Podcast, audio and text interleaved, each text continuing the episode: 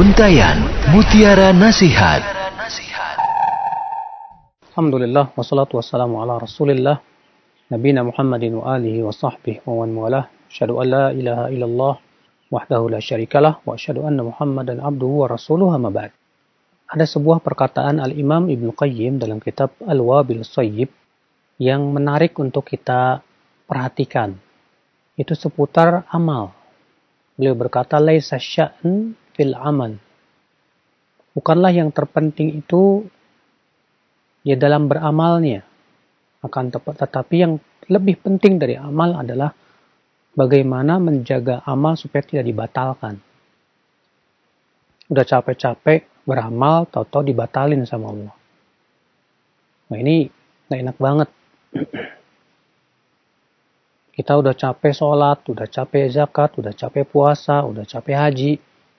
Eh ternyata akibat keteledoran kita, amal kita dibatalkan oleh Allah Subhanahu wa taala. Maka dari itu kita penting dan sangat penting, sangat perlu untuk kita mengetahui apa saja yang bisa membatalkan amal. Yang pertama, yang bisa membatalkan amal yaitu syirik yang besar maupun yang kecil yang besar itu bisa membatalkan seluruh amal habis semuanya. Yang kecil akan membatalkan amal yang terkena syirik kecil itu. Allah Ta'ala berfirman, Lain asyrakta la amaluka. Jika kamu berbuat syirik, Allah akan batalkan amalanmu.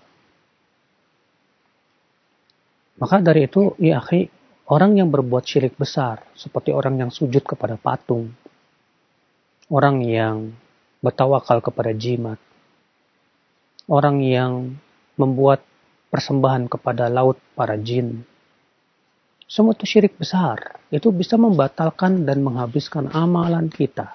Habis. Adapun syirik kecil contohnya ria. Kita sholat tapi kita ingin dipuji orang. Sebagaimana disebutkan dalam hadis Nabi Shallallahu Alaihi Wasallam, akhwafu ma akhwafu alaikum asyirkul asghar. Yang paling aku khawatirkan kepada kalian, hai umatku, itu syirik kecil, arya, ria. Yakumur rajul, wa yusalli, wa yuzayyin salatahu, lima yara min nadharir rajul. Ada orang yang berdiri sholat, kata Rasulullah, Lalu ia perbagus sholatnya. Karena rupanya ada yang memperhatikan dirinya. Ini sangat berbahaya saudaraku. Karena ria itu membatalkan amalan yang terkena ria.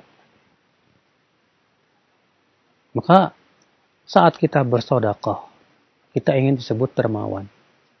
Saat kita menuntut ilmu, kita ingin disebut ulama. Saat kita apa namanya melakukan kebaikan-kebaikan. Kita yang disebut, Masya Allah, kita berharap pujian manusia. Rasulullah SAW mengatakan, salah satu awalu man yuqtabihim qiyamah. Ada tiga orang yang pertama kali dilemparkan ke dalam api neraka oleh Allah. Yang pertama orang alim dan qari. Yang kedua orang yang berjihad dan mati syahid. Yang ketiga orang yang dermawan, berinfak. Dipanggillah orang yang alim dan qari, maka Allah Ta'ala bertanya, apa amalannya? Si alim dan qari itu berkata, aku dahulu ya Allah menuntut ilmu karena engkau, membaca Al-Quran karena engkau. Maka Allah berfirman, kagabta, kamu dusta. Kamu dahulu menuntut ilmu karena ini disebut alim ulama. Kamu dahulu membaca Al-Quran karena ini disebut qari, Waqatil dan kamu sudah mendapatkan sebutan itu. Lalu kemudian diseretlah ia ke dalam api neraka. Bayangkan saudaraku sekalian. Maka dari itulah hati-hati. Sebelum kita beramal, kita koreksi hati kita dulu. Kita koreksi. Apakah kita benar-benar ikhlas mengharapkan wajah Allah atau ada sesuatu kita mengharapkan pujian manusia?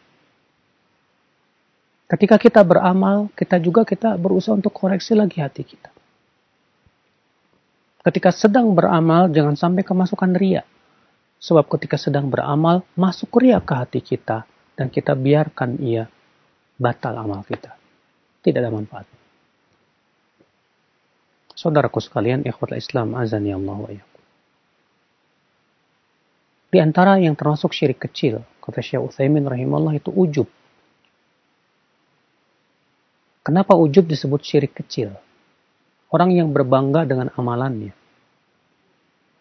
Karena hakikatnya, ya kata Syekhul Islam, orang yang ujub dengan amalnya itu seakan-akan menganggap bahwa amalannya itu hasil usaha dia sendiri. Lalu dia mengungkit kebaikannya kepada Allah Subhanahu wa taala. Padahal kalau bukan karena Allah yang membantu dia, dia tidak akan bisa lakukan itu. Makanya ya, ujub itu bisa membatalkan setelah amal selesai. Adapun kata kata Syekh Utsaimin, kalau amal kita sudah selesai, kemudian muncul ria setelah selesainya amal, menurut beliau itu tidak berpengaruh. Yang pengaruh ujub setelah beramal. Itu berat. Bahkan Ibnu Qayyim mengatakan ujub dengan amal itu lebih buruk daripada ujub dengan harta dan kedudukan. Iya. Maka hati-hati. Karena kita sudah banyak sholat tahajud. Karena kita sudah banyak puasa sunnah. Karena kita sudah banyak bersodakoh. Lalu kita merasa, ah, ya saya lebih baik dari dia. Ketika kita melihat teman kita, sholat sunnahnya jarang. Puasa sunnahnya jarang. Lantas kita bandingkan dengan diri kita, kita merasa kita lebih baik dari dia. Wah ini bahaya saudaraku, itu bisa membatalkan amalan kita. Itu ujub, na'udzubillah. Sallallahu alaihi Di antara perkara yang bisa membatalkan amal juga ya akal Islam, iradatud dunya min amalih salih. Mengharapkan dunia dari amalan soleh. Misal, ada orang sholat duha, niat utamanya apa coba? Ternyata niat utamanya biar rezekinya diluasin. Ada orang sholat tahajud, niat utamanya. Oh rupanya biar kedudukannya bisa naik. Ada orang bersodako, niat utamanya apa? Supaya diganti di dunia. Ya akhi, ini bisa bisa membatalkan amal. Allah Ta'ala berfirman dalam surat Hud ayat 15 dan 16. من كان يريد الحياة الدنيا وزينتها كتب موفي إليهم أعمالهم فيها وهم فيها لا يبخسون. أولئك الذين ليس لهم في الآخرة إلا النار. وحبط ما صنعوا فيها وباطل ما كانوا يعملون. Barang siapa, kata Allah, yang menginginkan kehidupan dunia dari amalannya dan perhiasannya, kami akan berikan dari apa yang dia inginkan dari amalannya tersebut tanpa dikurangi kata Allah. Tapi mereka di hari kiamat tidak akan mendapatkan apa pun kecuali api neraka. Batal amalannya. Sia-sia perbuatannya kata Allah. Mengerikan. Maka jangan sampai niat utama kita mengharapkan dunia. Kita bersodako niat utama kita supaya diganti di dunia. Kita sholat duha, niat utama kita mengharapkan lancarnya rezeki. Kita ya beramal soleh, harapannya cuma sebatas yang paling besar di hati kita dunia. Wah ini berbahaya sekali saudaraku sekalian. Imam Asyuyuti mengatakan, orang yang berhaji niatnya dua, niat haji karena Allah dan niat karena bisnis. Beliau mengatakan apa? Dilihat mana yang paling dominan. Kalau yang paling dominannya karena Allah dapat pahala. Tapi kalau paling dominannya karena dunianya, dapat dosa, kata beliau. Kalau ternyata 50-50, ya, seimbang nih, karena Allahnya dan karena mengharapkan dunianya. Maka kata beliau, tasakopo, berguguran, tidak dapat dosa, tidak dapat pahala. Nol. Tidak dapat apa-apa. Mengerikan. Subhanallah. Di antara perkara yang bisa merusak amal kita, saudaraku sekalian, yaitu kita melakukan dosa sendirian ketika tidak ada orang yang melihat kita. Di mana kita ternyata takutnya kepada Allah kalau di depan orang saja. Tapi kalau kita sedang sendirian, kita nggak takut sama Allah dan berani melanggar keharaman Allah. Na'udzubillah. Sebagaimana Imam Abu Daud meriwayatkan dalam sunannya, dahulu kata Rasul nanti pada hari kiamat akan ada orang yang membawa pahala sebesar-besar gunung Tihama. Bayangkan, Masya Allah.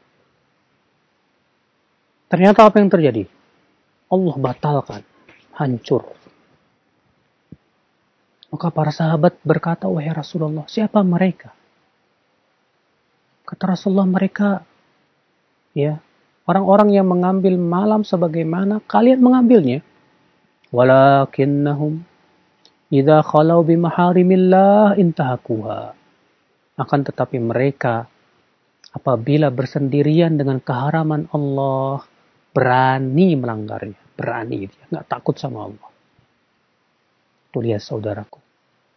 Rupanya gara-gara dia takutnya kepada Allah ketika di depan orang saja Ketika dia sendirian, dia nggak takut sama Allah. Ternyata ketika dia di hari kiamat membawa pahala-pahala besar, Allah batalkan. Nggak ada manfaatnya. Subhanallah. Di antara perkara yang bisa merusak amal kita, itu tidak beriman kepada takdir. Abdullah bin Umar bersumpah, Walladhi nafsu um, ibni Umar biadi. Demi zat yang diri Ibnu Umar ada di tangannya. Allah tidak akan menerima amalan mereka sampai mereka beriman kepada takdir. Ini beliau ucapkan ketika dilaporkan kepada beliau ada suatu kaum yang mengingkari takdir Allah Subhanahu wa taala. Nah, ini berbahaya saudaraku. Ini bisa membatalkan amal. Maka dari itu ya akal Islam, pelihara amal kita. Jangan sampai kita melakukan amal capek-capek ternyata dibatalkan sama Allah Subhanahu wa taala, nggak ada manfaatnya.